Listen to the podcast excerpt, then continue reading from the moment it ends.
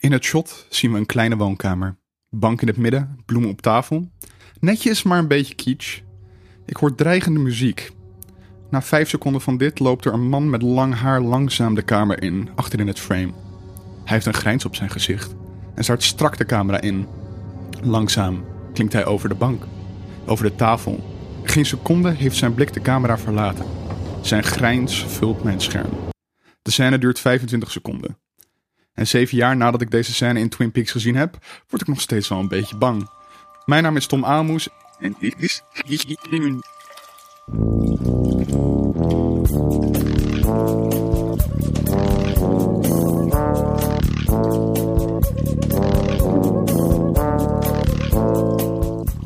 is Linda Duits en mijn favoriete Twin Peaks karakter was altijd Bobby Briggs. Omdat toen ik in de jaren negentig keek, was dat echt de droom van elke grunge meisje. Ehm, en ik vind ook dat hij uh, in de nieuwe Twin Peaks uh, ont ontzettend interessant, zeg maar, uh, in die rol ziet. maar nu was het toch wel de Log Lady. Ja, oh. ja, ja. Ik heb haar naam even erbij. Is dat Margaret Catherine Colson? Speelt zij? Dat is de actrice Catherine Colson. Ja, ja, ja. ja. Mijn naam is Sidney Smeets en mijn favoriete Twin Peaks karakter is Albert Rosenfield. De heel erg grumpy FBI-agent die uh, nou ja, iedereen tegen de haren instrijkt. Nou, mijn naam is Stefan Schorel en mijn favoriete Twin Peaks personage is toch wel Agent Cooper uit het eerste seizoen en het tweede seizoen. Ja. Uh, eigenlijk een man die ik eigenlijk zelf ook zou willen zijn.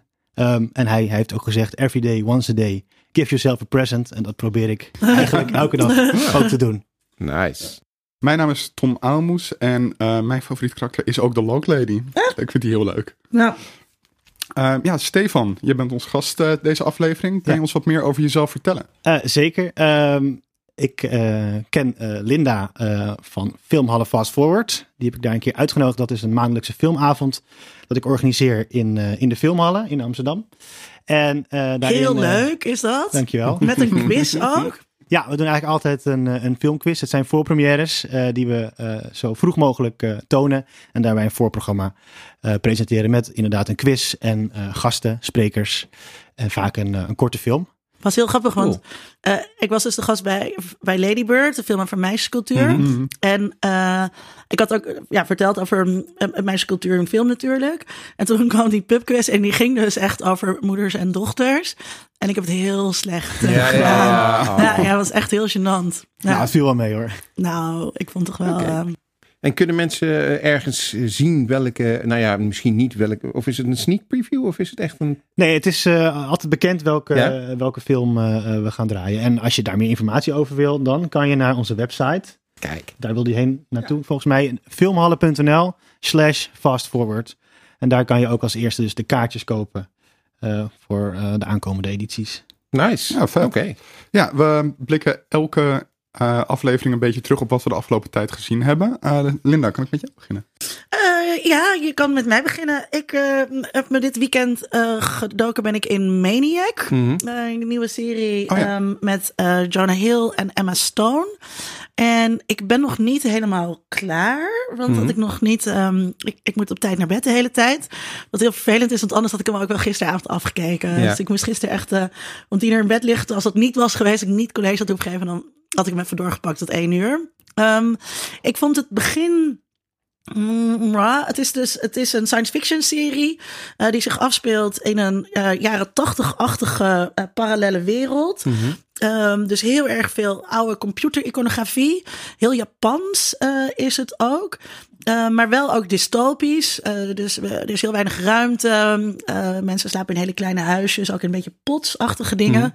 En um, daar moest ik aan het begin een beetje aan wennen. Dus ik vond het iets te krampachtig ja. neergezet. Het was me niet helemaal duidelijk waarom die wereld... Ja, ik, dacht, ik dacht in het begin toen ik zat te kijken uh, van is dit nou... Is dit nou inderdaad een toekomstige of parallele wereld? Ja. Of zit dit in het hoofd van de karakters? Ja, ja want het, het, gaat dus inderdaad heel erg over um, uh, herinneringen, over mm -hmm. schizofrenie, over psychische aandoeningen. Uh, en uiteindelijk gaan dus, dit is, niet, dit is geen spoiler, mm -hmm. dit is het gewoon hoe de serie in elkaar zit. En het is ook een remake. Dus, uh, oh, is het een remake? Ja. Ah, dan moet jij dan maar straks iets over vertellen. Maar dus uiteindelijk gaan, eh eh, komen Jonah Hill en Emma Stone samen terecht in een ehm, experiment voor een nieuw medicijn. Waarmee eigenlijk nare herinneringen voor eeuwig geblokt kunnen worden. Dus dat medicijn vervangt eigenlijk alle therapie die je ooit maar nodig Mhm. Maar dat ehm, duurt even voordat je dat weet. Ja, Want ik heb het begin ook ja. gezien van de Ja, serie. dat blijkt ook niet uit de trailer. Nee, dat komt pas in aflevering drie of vier Ja. of zo. Toen was ik al afgehaakt. Ja, Oh. want, en ik begrijp Oh. dus dat je, dat je afhaakt. Want aan het begin zat ik ook, ja, ik vond het te krampachtig. Ik wist niet wat ik er Wie zijn die moest. mensen? Eh, waar Ja. komen ze vandaan? Ja, geen idee. ja, en ik had ook heel veel moeite met, eh, met Jonah Hill. Die, waarvan ik vond dat hij er heel slecht uitzag. Dat ik dacht, waarom ben je nou afgevallen? Ah. Eh, Zo zijn best gedaan. terwijl later, ehm, eh, eh, ja, kan ik dat zeggen?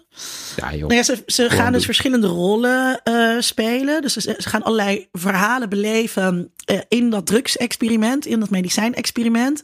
Eh, en dan zie je dus ook zeg maar de range die Emma Stone en Jonah Hill als acteurs heel erg hebben. En dan ziet Jonah Hill er ook in één keer niet meer zo heel slecht uit. Er is ook een hele grappige waarin hij eh, de zoon van een zware eh, eh, eh, crimineel speelt. Dan heeft hij van die, van die ingevlochten haren Ja, ja. en gouden. Oh, eh, dan begint het pas echt eigenlijk de serie. Want ik- de eerste drie afleveringen Ja, zijn dan dan, een je, soort je moet aanloop. echt, ja, je moet echt even door het begin heen. Dus ik kan me ook voorstellen dat er meer luisteraars zijn die ook denken. oh, hier was ik aan begonnen, ik vond het niks. Het wordt wel echt een heel stuk beter. Dus ik ben nu wel. dus. Ja, ik ben nu Mhm. wel echt ehm, eh, best Hoe- wel enthousiast.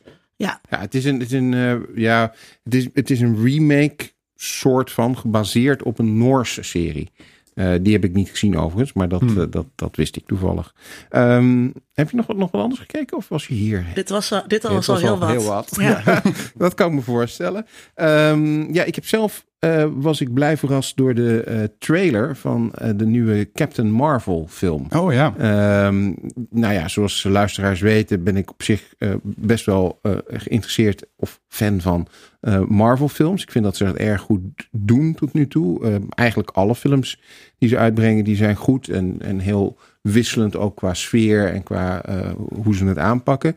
En dat was met deze film ook weer. Het is een vrouwelijke superheld. Zou je kunnen zeggen, ja, we hebben Wonder Woman ook al gehad. Nou ja, Die moet het wel zo uit zijn eh, met al die vrouwtjes. ja, eh, dat is wel genoeg geweest. Er zijn er zoveel al vrouwen. Maar ja, precies zoals je zegt inderdaad. Want het wordt ook wel tijd dat we eens wat meer vrouwelijke superhelden krijgen. En deze trailer die geeft de indruk dat dit een eh, behoorlijk eh, pittige tante is. Een stevige superheld. Ze slaat op een gegeven moment een bejaarde vrouw eh, knock-out. eh, eh, om maar eens een ding te noemen.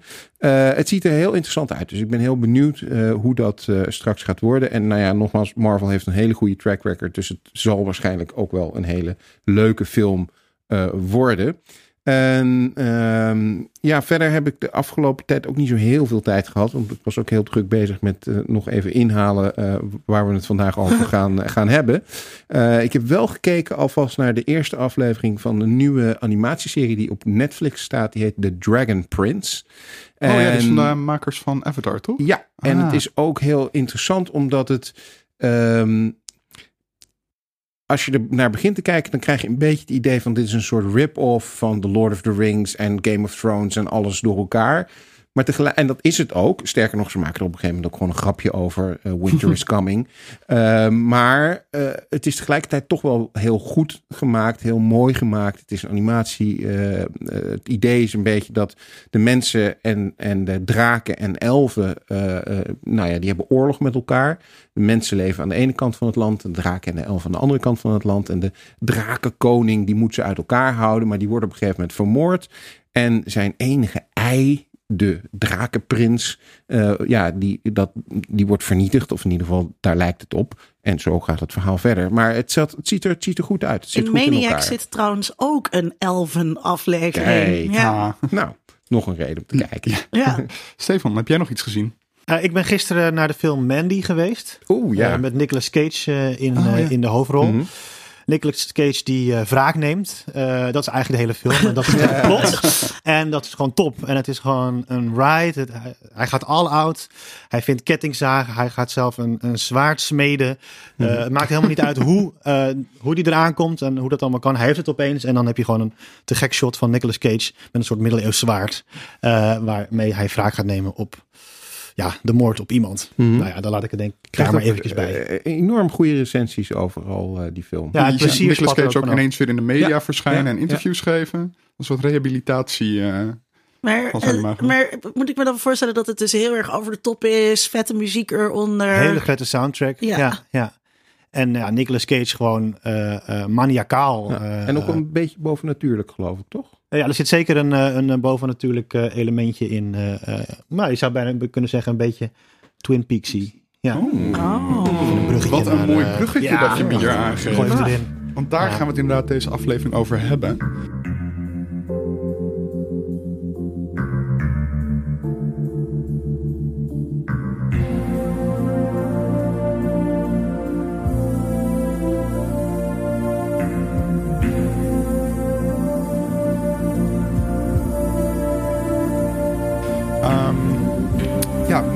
Beginnen met bespreken wat Twin Peaks is of met wat een David Lynch film of serie is? Dat vind ik een hele goede vraag. Oeh, ja. Ja. Ja, ja. Ehm, nou ja, ik denk dat onze luisteraars wel weten wat Twin Peaks is. En dat is een televisieserie gemaakt door David Lynch en Mark Frost. Ehm, en ik denk dat het heel David Lynchy is. Maar we hebben hier een David Lynch-expert aan tafel Nou ja, zitten, een dus, liefhebber, zo zou ik mezelf liever noemen. Ehm, nou, in ieder geval, om bij het einde te beginnen bij seizoen 3, het laatste seizoen, Mhm. ehm, heb ik het idee dat er heel veel Twin Peaks fans zijn geweest die de derde seizoen eigenlijk niet trokken. Mhm. Omdat het derde seizoen, het laatste seizoen, eigenlijk meer David Lynch is dan wat Twin Peaks was vroeger. Heel veel mensen haakten af. Ik vond dat heel interessant. Eh, toen, toen bekend werd dat er een derde seizoen zou Mhm. komen, was echt heel mijn Twitter-timeline een beetje door het dolle eh, heen. En vervolgens zijn er zoveel mensen afgehaakt dat ik ook wel een beetje vond van: oké, ja, jullie vallen dus eigenlijk Door de wel door de mand. Nou ja, kijk, zij zijn Twin Peaks fan, die ja. mensen dan. Hè, die noemen, noemen zichzelf niet een- per se een David Lynch fan. Nou, dan snap ik heel goed dat je bij het laatste seizoen denkt, nou, waar zijn de donuts en Ja. eh, waar is de soundtrack? Ja. Ja. Want het is eh, inderdaad wel En de heel... romance tussen, Ja, tussen ja. knappe pubers. Ja, ja, ja. ja. Nee, zijn het is geen soap meer. Het is geen soap meer. Nee, Ja. nee, dus ik denk dat er eh Lynch-liefhebbers zijn en Twin Peaks-liefhebbers. Mhm. En Lynch-liefhebbers eh, die ook van Twin Peaks houden. En Ja. dat laatste ben ik dan. Ja, denk ja, ik. ja. Ja. En wat is een, eh, wat, wat, wat, om daar dan toch maar even mee, mee door te gaan. Hè? Wat, wat, wat is een David Lynch film of serie? Wat, is, eh, wat maakt David Lynch David Lynch? Eh, het is een kunstenaar, het is, het is een eh, regisseur, het is een muzikant, het is een eh, schilder, het is een.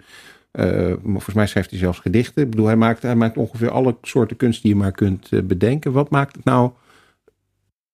Ja, wat, wat maakt het nou David Lynch? Nou ja, ja, dat is misschien een beetje makkelijk gezegd, maar David Mhm. Lynch maakt het David Lynch. Ja, ja, ja. ja, ja. Ehm, en dan ga ik ook een beetje grote woorden gebruiken, maar een visionair. Dus iemand die een eh, bepaald idee eh, in zijn hoofd heeft en dat nou dus op verschillende manieren, zoals je zegt, uit. Eh, en dus ook geen concessies doet en zich niet aan conventies houdt. En gewoon puur zijn eigen visie, nou in ieder geval nu dan op beeld, projecteert. Mhm. Maar ja, wat is dat dan precies? Ja, daar kan, kunnen we denk ik heel veel dingen over zeggen. Bijvoorbeeld misschien een droomlogica. Dat Mhm. komt vaak terug Ja, in zijn films. ja. Ja. Uh, een plot waar je uh, op het eerste oog uh, ja, misschien niet zoveel mee kan. Dubbelgangers? Dubbelgangers, ja, zeker ook. Komt heel veel terug in The Lost Highway ook. Mhm. Uh, maar ook natuurlijk in, in Twin Peaks. Um, ja, bijvoorbeeld wat betreft de droomlogica. Ik, ik heb bijvoorbeeld een keer Mulholland Drive uh, van David Lynch getoond. En er zijn er best veel mensen die echt een beetje boos werden. En uh, die zeiden van, nou, ik, ik weet niet wat ik hiermee moet. Mhm. Uh, en ik vind het juist te gek. Ja, je moet, je, je, je moet het op een gegeven moment loslaten. En ik ja. denk dat dat uh, was natuurlijk. Uh, nou, we kunnen er denk ik over eens zijn mm -hmm. dat de eerste twee seizoenen inderdaad, wat je zei, heel soapy uh, waren. Echt mm -hmm. in visie ja. series met ook dat soort plot. Um, en uh, in, het, in het derde heeft hij dat gewoon gelukkig ook maar losgelaten. Uh, je kan daar alleen maar naar kijken als je dat ook opgeeft. Als je het ook opgeeft om het te willen volgen zoals je normaal het plot van een televisieserie uh, of van een film volgt. dus er is vaak niet zoveel narratieve logica. Mhm. Mm. Dus er wordt heel veel gedroomd. persoonsverwisselingen, plekverwisselingen. waar ik ook echt... Um, eh, ja, ik heb Lost Highway zo vaak gezien. En dus ook wel Lost Highway dan aan nieuwe mensen Mhm. geïntroduceerd. En, dan, en dan zeg je ook, joh, weet je, de point van de film is niet dat je moet begrijpen. Dus je moet, de, je moet de film ondergaan en je moet het ervaren. Ja. Ehm, en eh, ja, dat, we, we zijn toch wel gewoon. Eh, als het gaat over televisie, zijn we dat gewoon niet gewend. Dus we vragen van televisie eigenlijk best wel ouderwetse, tussen aanhalingstekens, eh, eh, zaken. Dat het begrijpelijk is, dat je erbij bent. Dat, het een dat je het afgerond uit kan puzzelen met je- allemaal clues en zo. Precies, dat er een oplossing is. En dat als je maar genoeg op internet eh, eh, zit ook. Hè, de laatste tijd natuurlijk. Dat Ja. je dan hè, de Game of Thrones puzzel kunt op, oplossen. Eh, eh, en hier is dat gewoon niet. Maar dat was in 1990 al zo. En dat is in 2017 nog steeds zo. Ja, maar in 1990 was het minder, minder sterk, denk ik. Toen had je toch wel gewoon... Het was veel meer volgens de, de gewone wet van, van televisie. Dat je ook kon zeggen, weet je wel... eh, wat, wat gebeurde er vorige week in Twin Peaks? en dan kon je zo'n soort... ja. Maar dus laten we dan inderdaad even teruggaan naar die eh, eerste serie. Jij, zegt dat eh, eh, Lynch geen concessies doet, maar bij die eerste serie moest dat toch wel doen. Hij was constant in onderhandelingen met het eh, netwerk waar het op was, CBS. Was het? Ja, volgens mij Ja. Ja. Ehm, en dat is ook gewoon duidelijk te zien door die soapiness, door een soort wat normalere, of afgeleid van normale narratieve structuur. Zelfs een, een extreem voorbeeld daarvan is de, is de pilot. Hè? De, Ja. de, de, de, je hebt de Amerikaanse pilot, zeg maar de echte pilot. Die, dat is die de mensen nu moeten kijken als ze eh, Twin Peaks willen gaan kijken. Maar je hebt ook een internationale pilot. En die is in verschillende Europese landen in de bioscoop uitgebracht. En daar zit een extra einde aan vast, waarin het eh, mysterie zeg maar opgelost eh, wordt. Ja, en dat is natuurlijk ook iets waar Lynch later van gezegd heeft. Ja, dat had ik natuurlijk nooit moeten doen. Ehm, dat, dat, dat, dat, nou ja, is ook niet zo geweldig als je het, als je het nu terugkijkt. Want het Ja, mooie in is seizoen nou 2 juist- wordt, wordt het mysterie Ja. opgelost. Toen, Ja, dat is ook toen een David ding, Lynch ja. wegging van de serie. Ja, Ja, want toen ging hij Wild at Heart eh, eh, filmen Hmm. op dat moment. En eh, eh, ja, toen eh, is de serie wel een beetje bergafwaarts gegaan. Eh. Hij heeft ook altijd gezegd dat dat, eh, nou ja, los van die pilot, maar dat ook inderdaad het oplossen van het mysterie. Want de tagline, dat was natuurlijk volgens mij ook heel erg van de, waarschijnlijk van de, van de, van de zender die dat uitzond. Eh, de tagline is Who Killed Laura Pa- Palmer? Terwijl daar het volgens Lynch eigenlijk, als ik het goed heb begrepen, niet echt om ging. Dat was een soort van eh, startpunt. Maar vanuit dat startpunt wilde hij heel veel andere verhalen gaan vertellen. Maar uiteindelijk, ja, kwam dus de druk heel erg op die serie te staan van nou ja, maar we moeten toch eens dat mysterie gaan oplossen. Ja, nee, het gaat helemaal niet om dat mysterie. Nee. Dat is helemaal niet relevant. Het gaat om de, eh, de relaties tussen mensen in, in zo'n klein dorpje, in zo'n eh, eh, afgelegen berg, bergdorpje. En wat. Ja. en de sfeer die dat brengt. Mhm. Hè? Dus dat is, en dat vond ik dat dat nu in het derde seizoen heel goed gedaan werd. Dat je, je zit eigenlijk naar sfeer te kijken. Puur Dus, ja, ja. ja. dus er is tien minuten lang iemand de vloer aan het vegen. Ja, ja, ja. En volgens televisieconventies moet er dan dus iets engs gaan gebeuren. Of iets heel belangrijks. Want er is heel veel nadruk op die vloer. Mhm. Dus blijkbaar is die persoon afgeleid of zo. Maar er gebeurt gewoon helemaal niks. Nee, nee, nee, nee. En dat is omdat, omdat, omdat je dat gevoel moest krijgen eh, eh, van hem. Eh, en niet alleen nu van het plaatje Twin Peaks, maar ook van allerlei andere plekken. Wat natuurlijk ook ehm, briljant is gedaan ehm, met, die, met die drie meisjes bijvoorbeeld. Die, die Mhm. showgirls. ehm, eh, waar zijn die ook alweer? Las, Vegas. Ja, in Las Vegas. Ehm, eh, wat ook ja, een gevoel neerzet. Eh, eh, zonder dat je er, er- zonder dat het nou per se heel belangrijk is waar dat staat in het verhaal of wat, wat, hun, wat hun narratieve functie is of zo. Hoe, hoe kan het dat deze serie ooit gemaakt is? Want in de tijd dat de eerste seizoenen uitkwamen, was tv voornamelijk sitcoms, heel conventioneel, een beetje mysteries of zo, van die detective shows. En dan ineens is er Twin Peaks.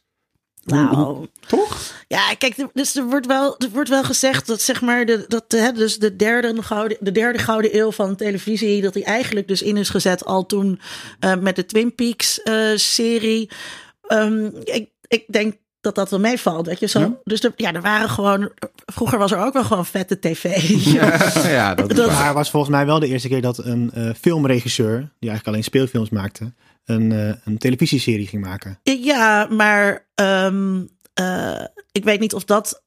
Of, of- dat weet ik niet precies of dat nou aan David Lynch lag. Of, eh, aan die televisieseries. Maar ik denk niet dat, ik denk niet dat dat het begin was van, uh, van de Gouden Eeuw. En Mm. zo'n afbaking in tijden is natuurlijk altijd een beetje arbitrair. Dus ik denk dat daar daarvoor ook heel veel uh, toffe series waren. Ja, ik keek toen gewoon heel veel tv. En dit was Ja. gewoon een serie. Voor mij in ieder geval als puber. Mm. Dat is waar. die, maar, die, daar- die daarbij kwam. maar ik denk wel dat Twin Peaks ehm, heel eh, visueel in, innovatief was. Hè? Dat, dat, het, dat dingen liet zien, zeg maar, op televisie die je niet gewend was om te zien op televisie. Dat het heel filmisch was. In, Filmisch, in- maar ook gewoon, ehm, nou ja, om een paar van die lynchachtige dingen, hè, heel lang een bepaalde scène vasthouden.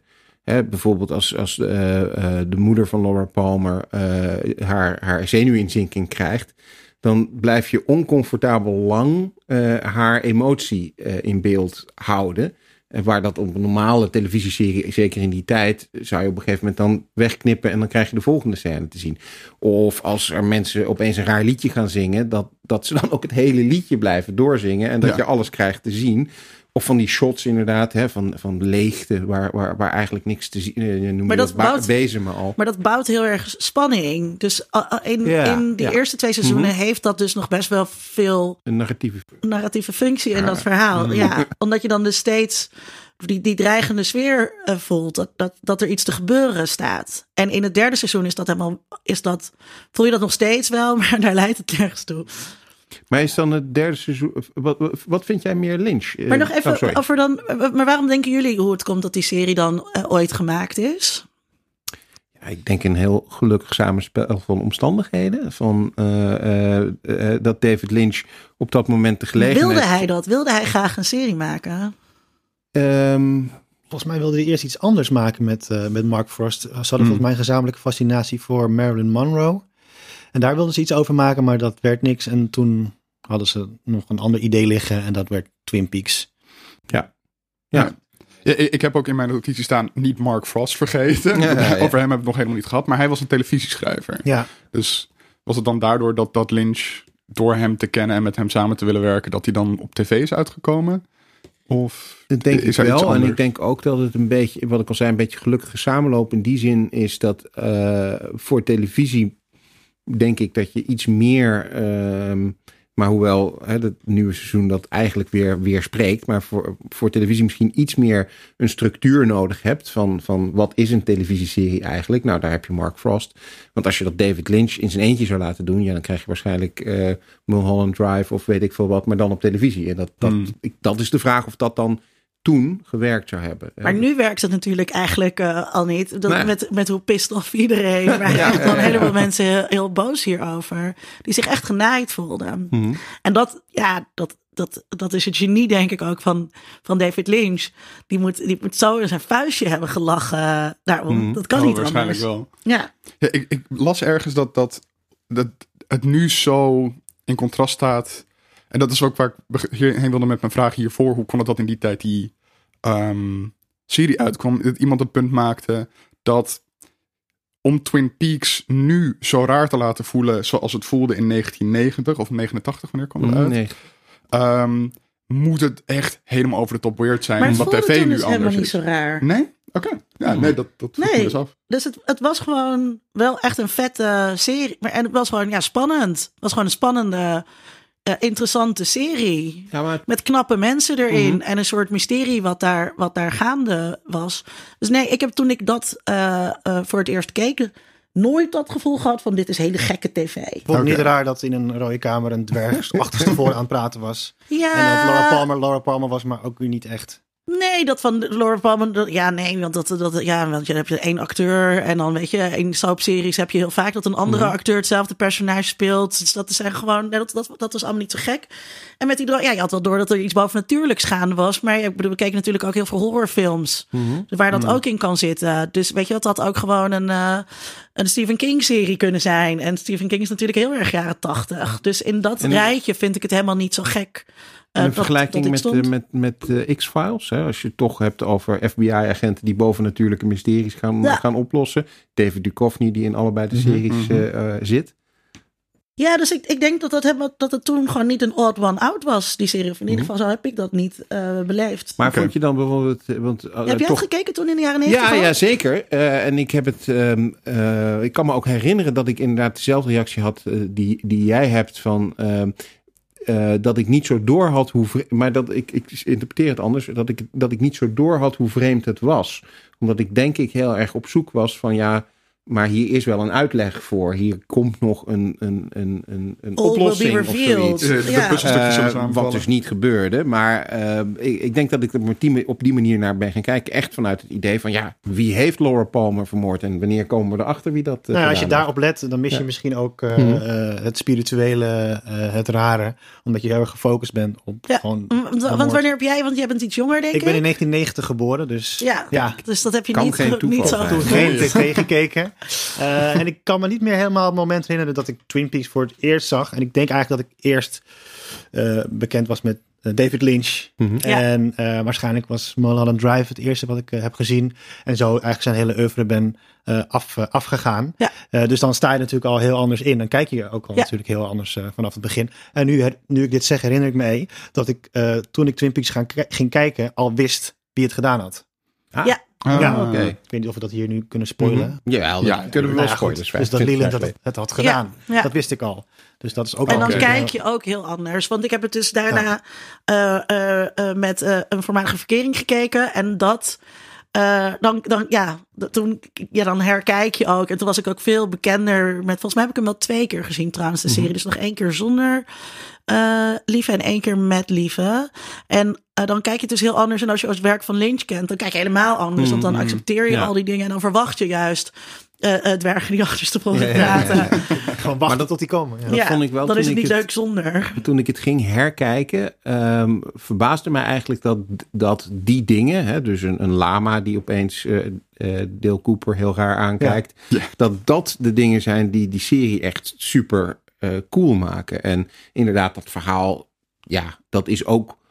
Ik moet zeggen, Leuk. ik vind dat nog steeds niet een heel slecht verhaal, maar dat, dat, dat verhaal is een stuk minder belangrijk. Het gaat inderdaad om die momenten, om die gevoelens eigenlijk die, je- die je krijgt. Ehm, waar, het, waar het natuurlijk ook, wat ook voor heel veel mensen het, het entry point in die serie was, was Dale Cooper. Cooper die ook mensen vonden hem ook heel cool. Mhm. Ja. En hij had een soort eh, ehm, Knap, mysterieuze, knappe jongen knappe jongen, Ja. mysterieuze man eh, eh, van de wereld een beetje over zich. Mhm. Dus veel mensen identificeerden zich daar ook mee. En die maand mensen waren dus ook best wel boos nu. Ja, ehm, dat is het geniale. wat er met Cooper gedaan was, weet Mhm. je wel. En waarom komt Cooper eh, niet terug? En dat ik ook... eh, ehm, ik vond nu dus ook wel heel grappig om recaps te lezen. Mhm. eh, eh, eh, waarin ja, de recensent, zeg maar... In sommige gevallen, eh, ik lees graag Vulture voor, voor recaps. Mhm. Bij Vulture werd Ja. die recensent gewoon elke week eigenlijk boos over wat, wat er aange, aangedaan was. En wan- wanneer jij zei, Cooper is ook mijn favoriete personage. Ja. Hoe, hoe heb jij dat dan ervaren? Nou ja, eigenlijk eh, is David Lynch mijn favoriete personage. Dus het maakt mij niet Mhm, uit. Weet je wel, wat Ja. hij doet. Vind ik zo eigenlijk per definitie vind ik dat al fantastisch. Ja, Eh, en nu ook hè, met de uitstel tot eh, we Cooper zien zoals Cooper. Zoals we hem kennen. Wat eigenlijk ook maar een heel kort moment is eh, in het laatste seizoen. Vond ik eigenlijk ook juist alweer eh, briljant gedaan. Omdat het een enorm ja, uitstel van eh, eh, ja, genot is eigenlijk. Mhm, tot, je hem, mhm. eh, tot je hem weer Ja. ziet. Met, eh met Bradley- dat- tan- tantra-seks was het voor jou. Nou, dat vond ik wel heel knap aan, het, eh, aan de return. Dat, dat je. ehm, kijk, we hebben het eerder al een keer een aflevering gehad over nostalgie en over series die zichzelf gaan herhalen of dingen die. Hè. Dat was dit niet, wat mij betreft. Eh, omdat je Terwijl juist. mensen dat dus wel wilden. Ja, ik denk dat mensen dat zeker wilden. Ja, ik maar denk daar mensen daarom ook boos eh, zijn helemaal geen, heeft hij geen boodschap aan wat Nee, mensen willen. Maar, maar het was het ook niet, want je kreeg inderdaad eh, pas na zoveel afleveringen op een gegeven moment dat karakter dat je eigenlijk wilde zien, pas ze, weer ze te zien. druppelen echt het seizoen binnen. Ja, beetje het was bij niet beetje. een soort van eh één grote nostalgische eh, let's eat a eh, cherry pie en a damn fine cup of coffee. Nee, dat Mhm. was het dus niet. Ehm, sterker nog, heel Twin Peaks komt niet zo heel erg veel voor in eh zeker, momentjes, ja, een paar momenten in. Maar een paar wel echt mooie echo's ook in zitten.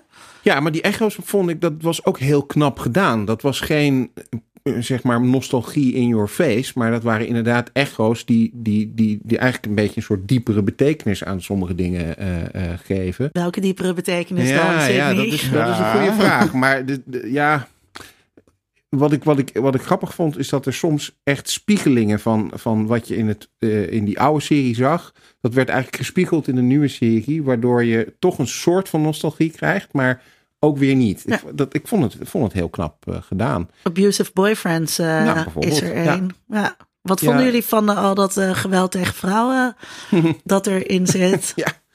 Nou, ik vond, dat begrijp ik weer aan het woord trouwens, maar ik vond dat ehm, fascinerend, omdat ik mezelf de hele tijd afvroeg uh, wat, wat ik er nou eigenlijk van moest vinden.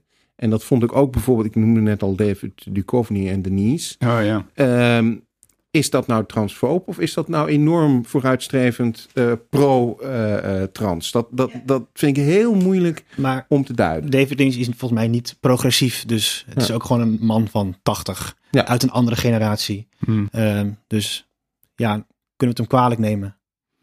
Hmm.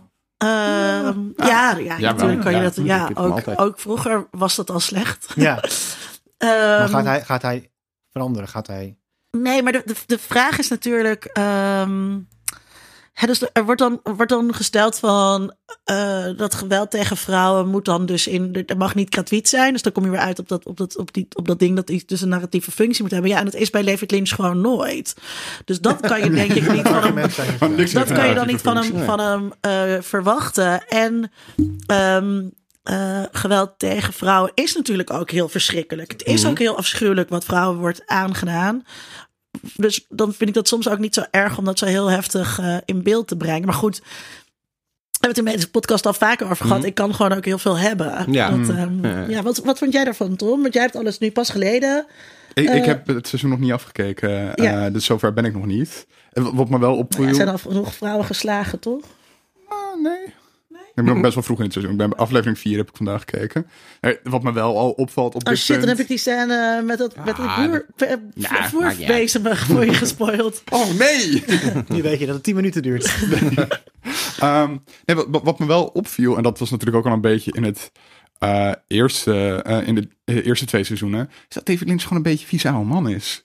Dat is gewoon, ja, Ja. Ja. gewoon, vrouwen worden op wel een hele specifieke manier in beeld gebracht. Dat is heel erg de male gaze. Ehm, ook vandaag eh, in de aflevering die ik keek, in aflevering 4 is op een gegeven moment dat letterlijk een, een vrouwelijke agent gevolgd wordt die Mm, wegloopt. En dat de camera toch net eventjes naar beneden gaat om die beeldpartij goed Ja, in dat beeld was te wel een brengen. raar moment, ja. Eh, ja, daar kan ik gewoon niet zo goed mee. Dat vind ik, vind ik gewoon jammer. Hm. Ehm, maar ja. Ik, Eh, kan het hem wel, ik kan het hem tot op zekere hoogte wel vergeven, omdat, omdat de rest vrij briljant is. Eh, dus dan, eh, dan heb ik daar wat minder last van. En ook omdat hij zichzelf ook wel een klein beetje te kakken zet met het karakter. nou kom ik even niet op de naam. Gordon. Gordon Cole. Ja. Ja. Ja, precies. Ehm, die natuurlijk eigenlijk een soort David Lynch is. die op een gegeven moment ook met een, met een erg jonge Franse. eh, Ja, die eh, totaal verder niet totaal totaal functie had in het nee, verhaal. nee, maar nee, ik kwam nee. even op bezoek inderdaad. eh, toen ik dat zag, toen dacht ik... hé, hey, volgens mij neem je nu toch een beetje jezelf op de hak... met dat beeld wat wij inderdaad van jou, van jou hebben. En dat vind ik dan wel weer wat, wel cool eigenlijk. Dat hij dat, volgens mij heeft hij zelf wel door dat hij een beetje een vieze oude man is. Ja, misschien om- omarmt hij het ook eh, Ja. gewoon. En, eh, ja, maar dat is wel, wel een beetje een soort van er om meta om lachen, maar het Hmm, nog steeds ja, wel ja. doen. Ja. Eh, net als van, van die series die dan heel erg expliciet geweld gebruiken en daar dan een beetje meta over te doen van, oh, oh, wat is toch vreselijk wat we doen. Ehm, kunnen we het hebben over de productie van The Return? Want dat was toch ook wel chaotisch, net als ook het tweede seizoen. Mhm. Ehm, gaat David Lynch het nou wel doen? Gaat hij het nou niet doen? Nou, hij is Ja, er heel lang mee bezig gegaan? geweest. Hè? Want ehm, inderdaad, de, de originele serie, het eerste seizoen, dat is gewoon gemaakt. En, en volgens mij pas nadat het gemaakt was ook uitgezonden. Eh, tweede seizoen, ja, dat moest toen opeens veel meer afleveringen krijgen. Nou, dat mysterie moest opgelost worden. Dus dat ging eh, niet helemaal zoals Lynch het had gehoopt. Hij is op een gegeven moment heeft hij wat afstand ook genomen van de productie. En ehm, dit nieuwe seizoen, daar is hij echt jaren mee bezig geweest. Hij heeft ook echt allemaal scènes al opgenomen. Bijvoorbeeld eh, de Log Lady, die was al overleden op het Hmm. moment dat de rest van die scènes opgenomen waren. Maar die scènes had hij dus van tevoren al opgenomen. Dus hij was, hij was er zonder, zonder dat hij een zender ervoor had die het uit wilde Ja. eh, gaan zenden. Ja. Oh. Dat kan niet. Ja, en, en ook heel veel ruzie met Showtime eh, daarover gehad. Ja. Over dat hij heel veel controle wilde hebben. Dat hij een bepaald aantal afleveringen wilde hebben. eh, dat hij de tijd ervoor nodig had en het geld. En is op een gegeven moment ook gewoon eruit gesprongen eh, toen uit de productie. Ja, en toen hebben castleden hebben nog een actie opgezet. Ja. Mhm.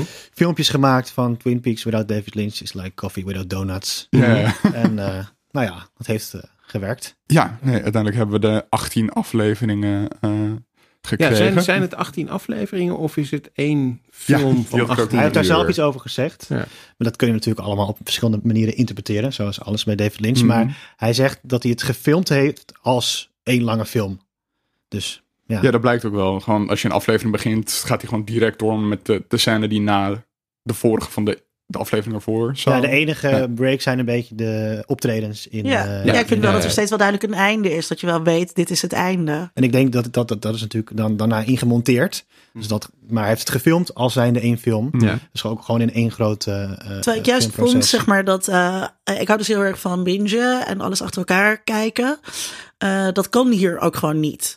Komt niet meer dan twee afleveringen achter elkaar aan. Ja, Mm. Dan, dan, dan, dan moest ik ook gewoon dingen verwerken. Ja. Eh, eh, Ja. dan, je, je kan, ik weet niet hoe jij dat nu doet. Eh, ja, mijn, mijn hoofd moet ook echt naar Twin Peaks staan. En ik heb gewoon heel erg druk gehad de afgelopen tijd. Dus, dus dan heb ik niet per se zin om dan s'avonds... Had het dan niet Twin- juist om, dat, om het dan los te laten... wat je allemaal hebt meegemaakt op zo'n dag? Nee. Vind, je het, vind je het hard werken om eh, Twin Peaks te kijken? Ja, maar wel leuk hard werk. Ja. Dat, is net, dat is gewoon een soort van zo'n zo'n taaie oude roman lezen... die het dan toch wel waard is om het doorheen te gaan worstelen. Eh, Ja, dat vind Is- ik. is het wel ik ook gewoon- gewoon Maar dat, heel dat vet. is wel, wel, wel leuk. Over hard werken gesproken. Jij noemde al even de. Ja, hè, we leven nu toch in een internettijdperk. Was een eh, de eerste serie ook al wel een klein beetje. Maar we, nou ja, toen had bijna nog niemand echt, eh, echt eh, toegang tot het internet. Ehm, het zijn die theorieën over wat het dan betekent. Hè, enerzijds kun je zeggen, ja, maakt niet uit wat het betekent. Je moet gewoon naar kijken, je moet van genieten. Maar er zijn wel wat theorieën. En Mark Frost, de man die dus toch meer van het verhaal is, die heeft ook een paar boeken eh, geschreven over wat het gedeeltelijk betekent. Die boeken liggen uiteraard Die hier liggen op hier op tafel.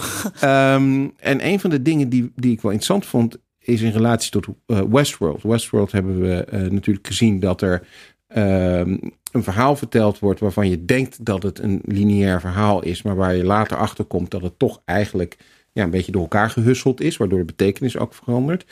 En wat ik nu begreep uit die boeken van, eh, van, van Frost, maar ook van de theorie op het internet, is dat in het laatste seizoen van, van Twin Peaks er ook verschillende, nou in ieder geval verschillende werkelijkheden Sowieso, parallel naast ja. elkaar Ja. bestaan. Maar ook misschien zelfs verschillende Uiteraard, tijdlijnen. ja. Dat, dat is, dat Ja, is, het de hele... is- Ja, dat, en dat is natuurlijk ook het einde. Sorry What Tom. year is it? Ja. What year is it? Mag Dat is, dat is de grote giveaway. Ja, dat is ook wat eh, David Bowie zei in eh, Fire Walk With Me. Als Ja. hij dan binnenkomt lopen, dan vraagt hij, eh, what year is it? Ja, maar ehm, ik ben dus niet zo geïnteresseerd in die, Oeh. in die theorieën. Hmm. Oké. Ja, jij Stefan? Ja, kijk, aan de ene kant eh, vind ik het heel erg tof om het gewoon te ervaren.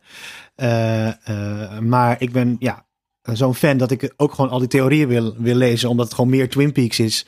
En het interessant is om te kijken en te lezen hoe andere mensen eh, eh, ja, erover denken. ja. Eh, Maar ja, uiteindelijk is er, is er geen antwoord. Nou, En- dat, dat is het dus. Want kijk, op het moment dat je, dat je gaat Game of Thrones theorieën, Mhm, mhm. weet je wel, dan, dan kom je ergens. Daar is een Ja. antwoord. Op een gegeven moment gaan we gewoon weten, weet je, is Bran de, de White Walker koning? En weet je wat, eh, dat, dat, dat, dat, er komt gewoon ook een antwoord op. En als dat niet komt, dan vinden we de serie stom, want dat was wel de bedoeling dat dat, dat, dat kwam.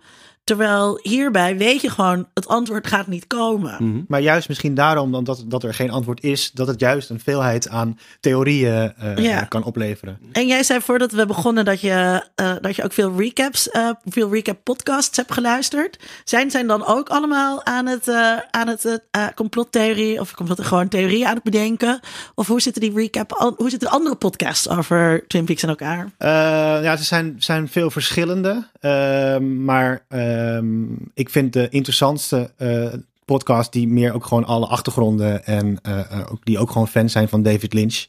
Uh, dus alle achtergrondverhalen en, en, en dat soort dingen. Maar het is meer zo'n podcast is voor meer voor mij gewoon om nog even na te weeën in, in de, de sferen van, mm. van, van ja. Twin Peaks. Want dat is dus wel Um, je moet inderdaad goed opletten. En daarvoor, dat vind ik dan wel, dat vind ik dan wel weer interessant. Dat ik denk, oh ja, wat heb ik allemaal gemist? Weet je, waar ik gewoon hmm. toch. Maar eh, dat is wel gek, hè? Want je zegt van de ene kant, het verhaal doet er eigenlijk niet toe. Er, is ook geen echt verhaal. Er is geen echte oplossing. Maar van de andere kant zeg je, je moet wel goed opletten. Ja, want je wil, wil, je wil voor je ervaring ook alles meekrijgen mhm. wat er gebeurt. Dat is wel het idee. Ja. Toch? Het is niet dat je, dat je de helft erdoor kan. Uh... Nou ja, kijk, een verhaal is maar een manier om een film te ervaren.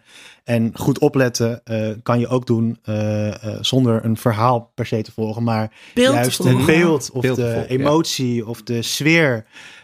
en ja, je bent toch op zoek naar iets. En dat maakt het zo interessant. En daarom kan ik het ook eindeloos bekijken. Omdat je toch het gevoel hebt dat er ergens een soort waarheid achter ligt.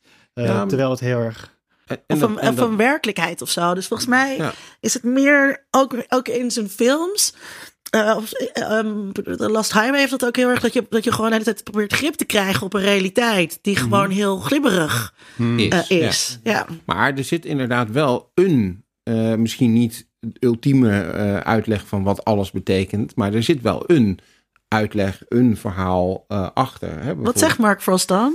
Nou, hij heeft twee boeken gemaakt. De eerste is The Secret History of Twin Peaks, waarin hij heel erg uitlegt de Native American achtergronden bij die mysterieuze dingen die in Twin Peaks eh, gebeuren. Mhm. En hij laat ook de geschiedenis zeg maar zien van bovennatuurlijke gebeurtenissen in Twin Peaks. En uh, nou ja, als je Twin Peaks dan gezien hebt, en zeker als je dan het laatste seizoen kijkt, dan, dan heb je allerlei connecties met wat hij vertelt over bijvoorbeeld over die ring. Hè, die rare groene ring en wat dat nou uh, betekent of, of niet betekent. En in de Final Dossier, dat is het andere boek wat hij heeft geschreven, um, geeft hij eigenlijk een soort addendum op uh, het laatste seizoen. Waarin hij een paar um, ja, extra teksten geeft. Waarin hij uitlegt uh, um, ja, hoe het met sommige karakters is gegaan in de tussenliggende jaren.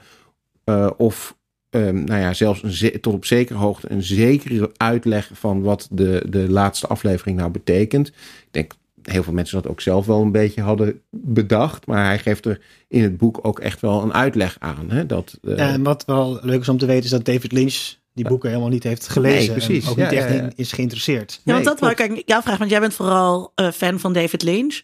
Wat vind je dan van zo'n Mark Frost? Want uh, wie is dan eigenlijk de auteur hier van Twin Peaks? En, en wat vind je dan van zo'n Mark Frost die dus eigenlijk dat allemaal wel probeert uit te leggen en vast te leggen in zo'n boek? Nou, voor mij is dat niet per se nodig, maar het is, zoals ik net al zei, meer Twin Peaks. Dus ik lees het en ik verslind het. ja, uh, maar... Twin Peaks is wel een beetje als Star Wars. ja, ja, ik heb ook niet zoveel met Star Wars. Dat geeft niks. Dat, kan ik dat hier uh, zeggen? Um, nou, dan komen straks alle Star Wars poppetjes je aanvallen. Pas Ze doen nog niks. Oké. Okay. En achterstevoren uh, praten. Ja, ja. Uh, maar ja, ik, ik ben ook gewoon een, een filmliefhebber. Dus het visuele van Twin Peaks spreekt, spreekt me ook heel erg aan. Um, ja. Nou ja, dat, over, toch nog weer even dan dat visuele. Daar heb ik het er net al even over gehad. Wat, wat, wat ik interessant ook vond toen ik uh, het, met name het laatste seizoen uh, keek. En ik kan me niet zo herinneren of, of ik dat bij de eerste twee seizoenen ook had. Is dat een aantal van de afleveringen, en zeker aflevering 8, uh, eh, daar zitten eigenlijk gewoon kunstinstallaties. Als je naar uh, een, een, een, een, een animatiefilmfestival gaat of naar een moderne kunstmuseum gaat en je ziet een installatie met videokunst. Uh, een aantal van de dingen die in de aflevering zitten, dat is gewoon een, eigenlijk een installatiekunst. Uh, hè, ja. rare, rare beelden, rare geluiden. Um, en dat, dat is ook wel weer heel knap. Hè? Dat is, dat is een, soort kunst. Ik, ik heb eh, voor het, het Holland Animatie Filmfestival uh, lang uh, in het bestuur gezeten. Nou, wij konden die installaties aan de straatstenen niet kwijt, want niemand wilde naar kijken. Naar een installatie van rare lijntjes en, en, gekke geluiden en, en dat soort dingen. Maar als je het dan in die serie op televisie ziet, dan denk je toch van, nou, dat is, dat is David Lynch dus toch gelukt mm. om op de een of andere manier toch een vrij highbrow kunst eh, onderdeel gewoon op de televisie te brengen en mensen ernaar te laten kijken. En, en mensen, waarschijnlijk sommige mensen voor de gek te houden dat ze denken van hé, hey, maar ik zit nu naar een soort X-Files-achtige aflevering eh, te kijken. Het, het, het is wel interessant ook, ehm, denk ik, dat je dus net als met eh, heel veel visuele kunst, is het niet per se dat je aan Twin Peaks, dus zoals we het net over hadden, eh, definitieve interpretatie kan geven, maar dat het bijvoorbeeld thema's Mhm. of Ja. zo. Dus dat je dan wel daar een beetje mee kan gaan spelen en kan denken van, oh, hierin refereert hij iets een beetje naar bijvoorbeeld um, onheimischheid. Mhm. Of, onheim, hoe zeg je dat goed in het Duits? Onheimigheid? Unheimlich. Uncanniness. Ook. ehm, een bekend concept van Freud. Dat daar, het lijkt alsof heel Twin Peaks daar in constant dialoog mee is Mhm. met dat hele concept. Dus het soort vertrouwde dat dan ineens heel erg ongemakkelijk wordt en ondermijnd wordt. En hij is heel erg geïnteresseerd in wat net onder dat laagje zit van soort van Amerikaanse eh, burgerleven. Wat je ook in Blue Velvet bijvoorbeeld hebt. Ja, dus dat, Ja. ik had ook inderdaad opgeschreven van, of bedacht van dat Blue Velvet misschien een beetje gezien kan worden als soort voorstudie Ja. ehm, Ja. voor Twin Peaks. Want het gaat ook met diezelfde thema's van wat zit er achter de Amerikaanse middenklasse. Ehm, En wat wil jij nou zeggen over, over die installaties? Nou, Wat- eigenlijk hetzelfde als wat, eh, wat jij net zei. Dat, dat eh, eh, zeg maar een analogie met eh, beeldende kunst een goede manier is om eh, eh, te beschrijven wat een Twin Peaks ervaring is. Dus dat je niet eh, een, een plot van A tot Z eh, eh, eh, volgt, maar dat je meer een ervaring hebt eh, met een kunstwerk. Mhm. En op wie bouwt David Lynch dan daarin eh, voort, zeg maar? Ehm, gaat het vooral over eerdere film eh, en minder over eerdere tv? Of maakt hij toch ook wel eh, verwijzingen naar eerdere tv? Oeh, dat ehm, zou ik zo niet. Ik zou heel Ja. erg zeggen dat hij wel ehm, heel erg voorborduurt op het werk van Hitchcock en ehm, Kubrick. eh, Kubrick. Dat zijn ook, ook heel veel visuele referenties daarna in die films. Eh, naar Psycho en heel veel ook naar The Shining. Mhm. Ehm, hotelkamers, sleutels die met significante of niet significante nummers. eh voer, Sowieso überhaupt die voerpatronen, bergen natuurlijk. Ja, de bergen, de manier waarop dat in beeld gebracht is. Maar je zou dan ook kunnen zeggen dat juist zeg maar eh, seizoen 1 en 2, eh, wat dus wel voldoet aan genre-kenmerken van reguliere televisie, Mhm. daar ook een oefening in is. Zeg maar zoals ehm, eh, Kubrick eigenlijk allemaal genrefilms maakte. hè, dus hij, maar Mhm. heeft toch een beetje de beste science fiction film gemaakt en daarna nooit meer een science fiction film. Gewoon genre-oefeningen. Dat dit misschien ook wel een genre-oefening van Hmm. David Lynch was. Van kan ik ehm, voortbouwen op een, op een aantal televisieconventies en daar, en daar dan toch iets mee doen wat, wat anders is. Want eh, ja, film als medium, dat, dat, dat kennen we natuurlijk wel ook in die tijd. Hè? Dat je daar, dat je in 90 minuten ehm, eh, een, een veranderende ervaring neerzet. Dat hadden we al vaak gezien. Dus in die zin is het nog briljanter dat hij het dus heeft weten te doen in een televisieserie. Ja, en vooral omdat televisieseries natuurlijk traditioneel inderdaad heel erg draaien om het verhaal en om wat mensen zeggen dat dat ook is eh, wat er bedoeld wordt. Ja. Eh, terwijl volgens mij een van de kenmerken van Lynch in het algemeen, maar zeker van, van ook van Twin Peaks, is dat mensen eh, vaak iets zeggen wat totaal ja, botst eigenlijk met wat je ziet en, en wat er eigenlijk gebeurt. Hè, dus mensen die, die, die hebben een bepaalde dialoog en tegelijkertijd gebeurt er zoiets bizars dat je echt denkt van ja, deze dialoog die past helemaal niet bij wat er, wat er aan de... Of karakters passen Karakter helemaal niet bij elkaar. Dat vond ik nu heel erg met eh Doogie en, eh, en zijn vrouw. Dat je de hele tijd denkt, waarom is hij bij hem? Dat, dat Ja. past niet. de zus van Diane. Ja. Ja, eh, Wat vonden jullie trouwens van de Diane gedreven? Ik had daar dus helemaal niks mee. Maar dat vond ik dus al... Ja, wat ik dus zei zeg maar eerder over dan die mannen die dan Cooper... Die zo op Cooper kikte vroeger. Mhm. En dan, dan met dat Diane. En dat dat dan nu zo gematerialiseerd werd. Vond ik eigenlijk een beetje teleurstellend. Ja, ik vond het eigenlijk ook wel een beetje jammer dat zij opeens in vlees en bloed.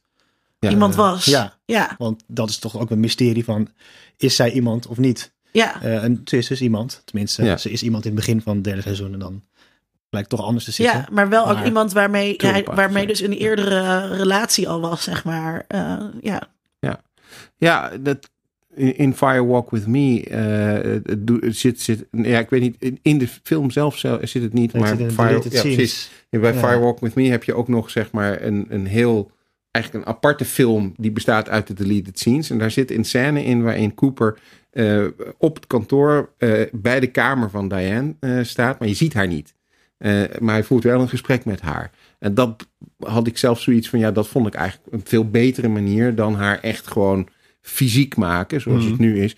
Nou is er natuurlijk wel de vraag of eh, hoe dat precies zit, want zij is volgens mij een tulpa of zoiets. Hè? Dus, dus ze is een, een creatie. Ze is geen, het, is, niet de echte Diane eh, eh, die, die, we, die we zien. Net zoals Dougie niet de, de echte Cooper is. En wie hadden we nog meer? Want nog, volgens mij nog, nog een derde. Ja, de Evil, Evil Cooper. Evil Cooper natuurlijk natuurlijk. Ja, ja, ja. ja. Ehm, nee, ik had eh, Diane zelf eh, eh, liever niet gezien. Maar ja, keuze van, van Lynch natuurlijk. Ja, en die volgen wij. En die volgen wij. Ja. Ik. Als trouw volgens inderdaad.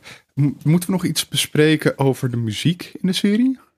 Ja, Elke zeker, aflevering wordt ja. afgesloten met een band. eh, ja, heel we erg moeten atmosfeerzettend. We beginnen denk ik met de muziek eh, van, de, van de originele serie. En nou, Angelo Badalamenti. precies, Angelo Badalamenti. Die heel erg sfeerbepalend was voor Mhm. de eerste twee seizoenen.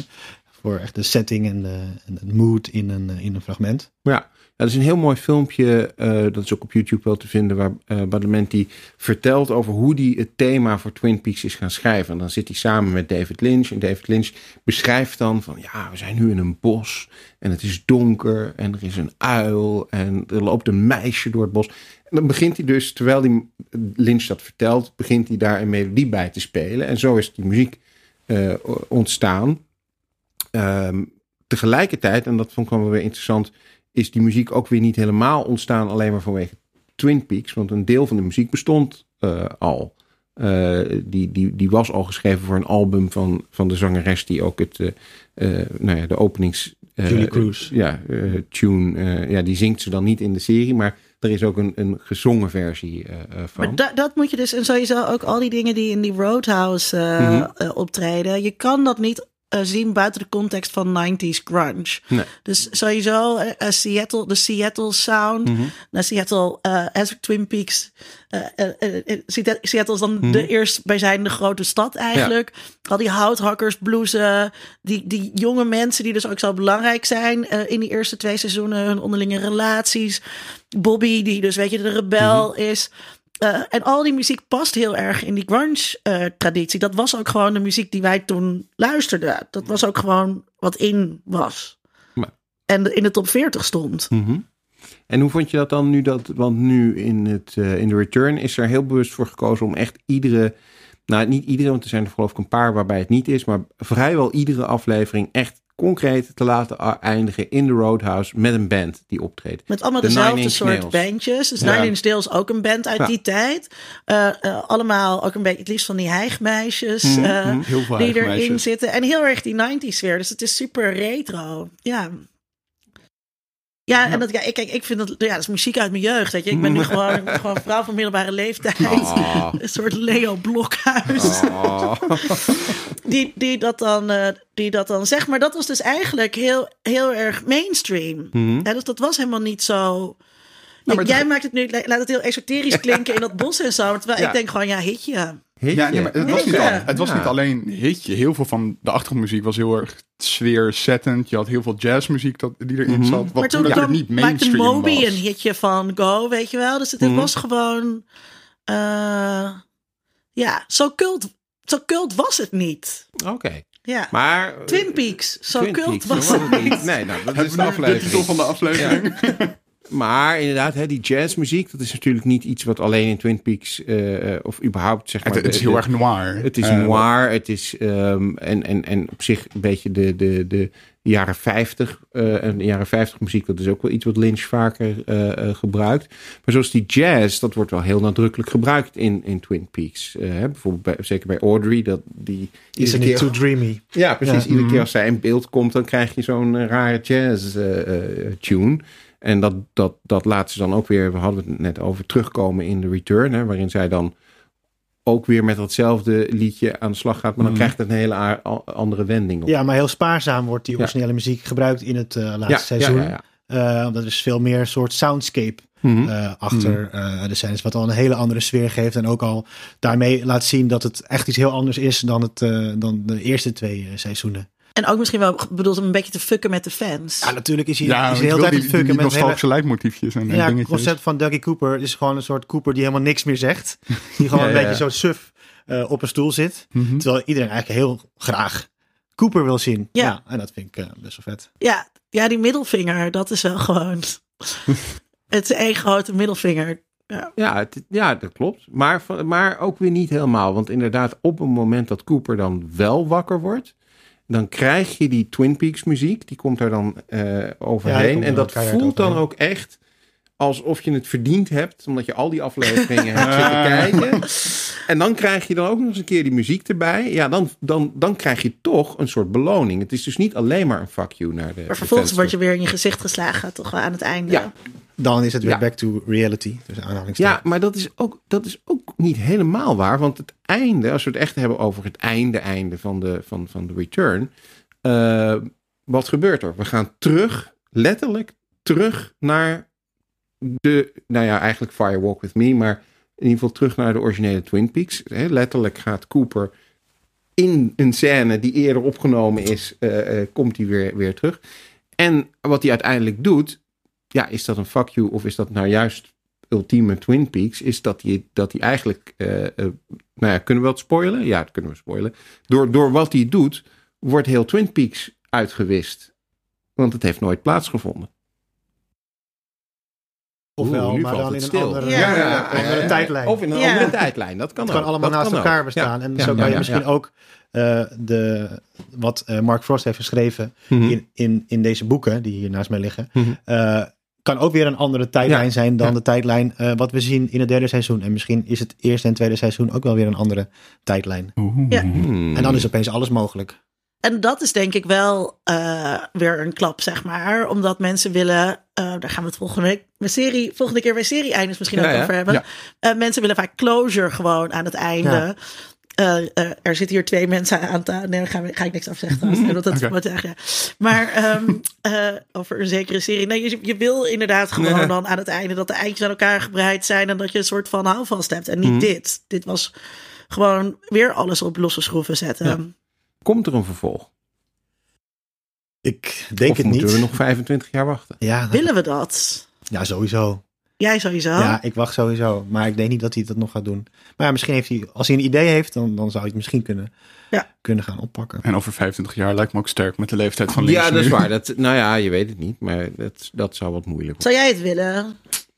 Ehm, ik moet zeggen dat ik de return eh, zo ehm, goed vond. Eh, en, en, een beetje raar om te zeggen, maar bijna beter vond dan eh, seizoen 1 en 2. Gewoon omdat ik het veel coherenter en, en, en inderdaad eigenlijk artistieker, interessanter vond.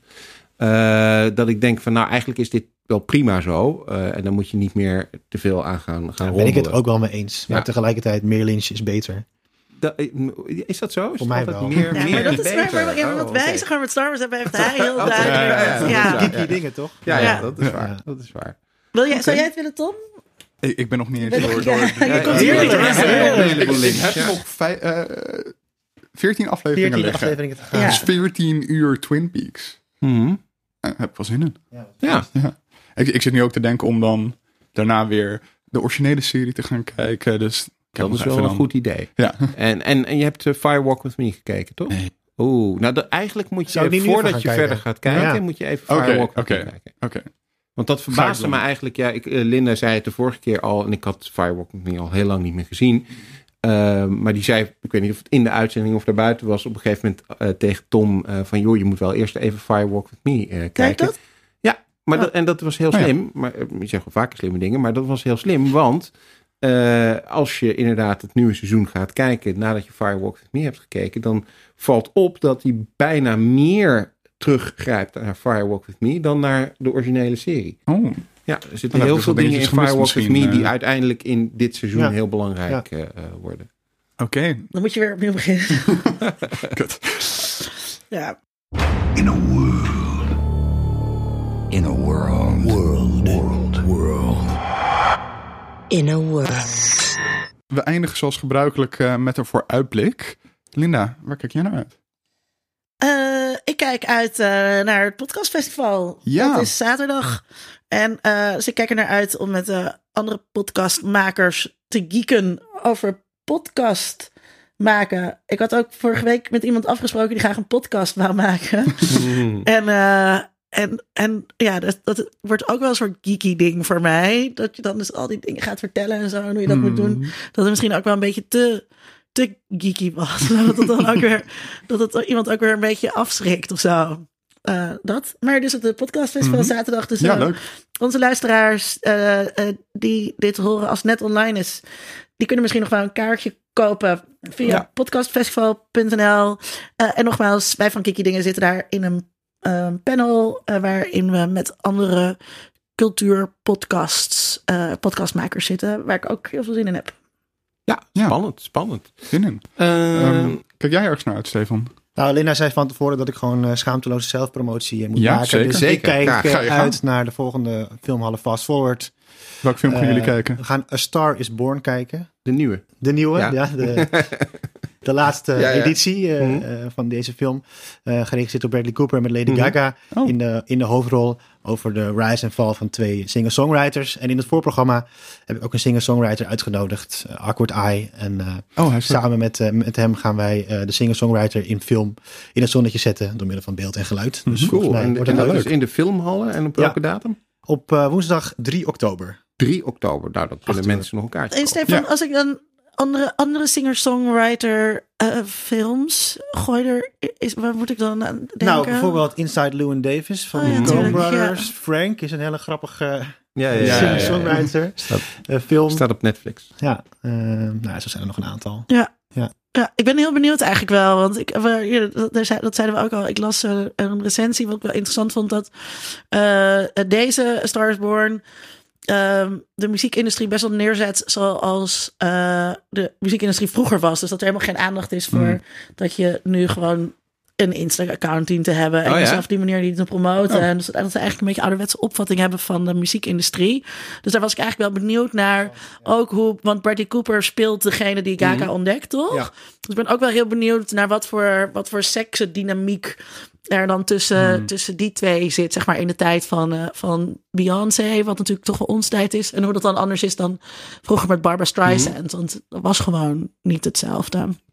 Ja, en ik ben, ik ben dus ook heel benieuwd naar die film, omdat hij zulke ook weer goede recensies krijgt overal. Hè. Hij staat echt in allerlei eh, eh, top 10's en, en, en krijgt geloof ik op, eh, op, op Rotten Tomatoes en IMDb ook allemaal negens en, en tienen.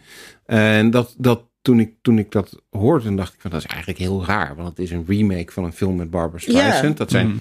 Hele leuke films, maar ik bedoel, het is op zich een beetje raar dat dat dan nu zo'n geweldige film zou zijn. En ook nog eens een keer geregisseerd door een acteur. Ja, Dus Wat ik ben heel gezien? Is, benieuwd. is het Ja. zijn debuut? ja zijn debuut als, Ja. eh, als regisseur. Oh, blijkbaar kan hij dat. Ja. ja, Ja. ja, dus, dus ik ben wel erg benieuwd hoe dat eh, gaat worden. Dus ik kom op 3 oktober. Ja, gewoon. Gezellig. Zijn er Ja. nog kaartjes? Er zijn nog kaartjes, Ga ik zeker. een kaartje kopen. Oké. Leuk. Eh, Sydney, waar kijk jij naar uit? Ehm, ja, waar kijk ik naar uit? Ik kijk eigenlijk uit naar ehm, iets wat er nog niet is. eh, maar waar ik wel een... Uh, David Lynch. hier. Ja, ja, ja. In welke Maar wel tijdlijn ik- speelt het zich af? Ja, ja. ik zag wel een, een, een, een promo daarvoor, eh, eh, daarvan voorbij komen. Ehm, ja, gek genoeg toch ook weer op Netflix. Het lijkt Mhm. alsof bijna alles tegenwoordig op Netflix eh, is.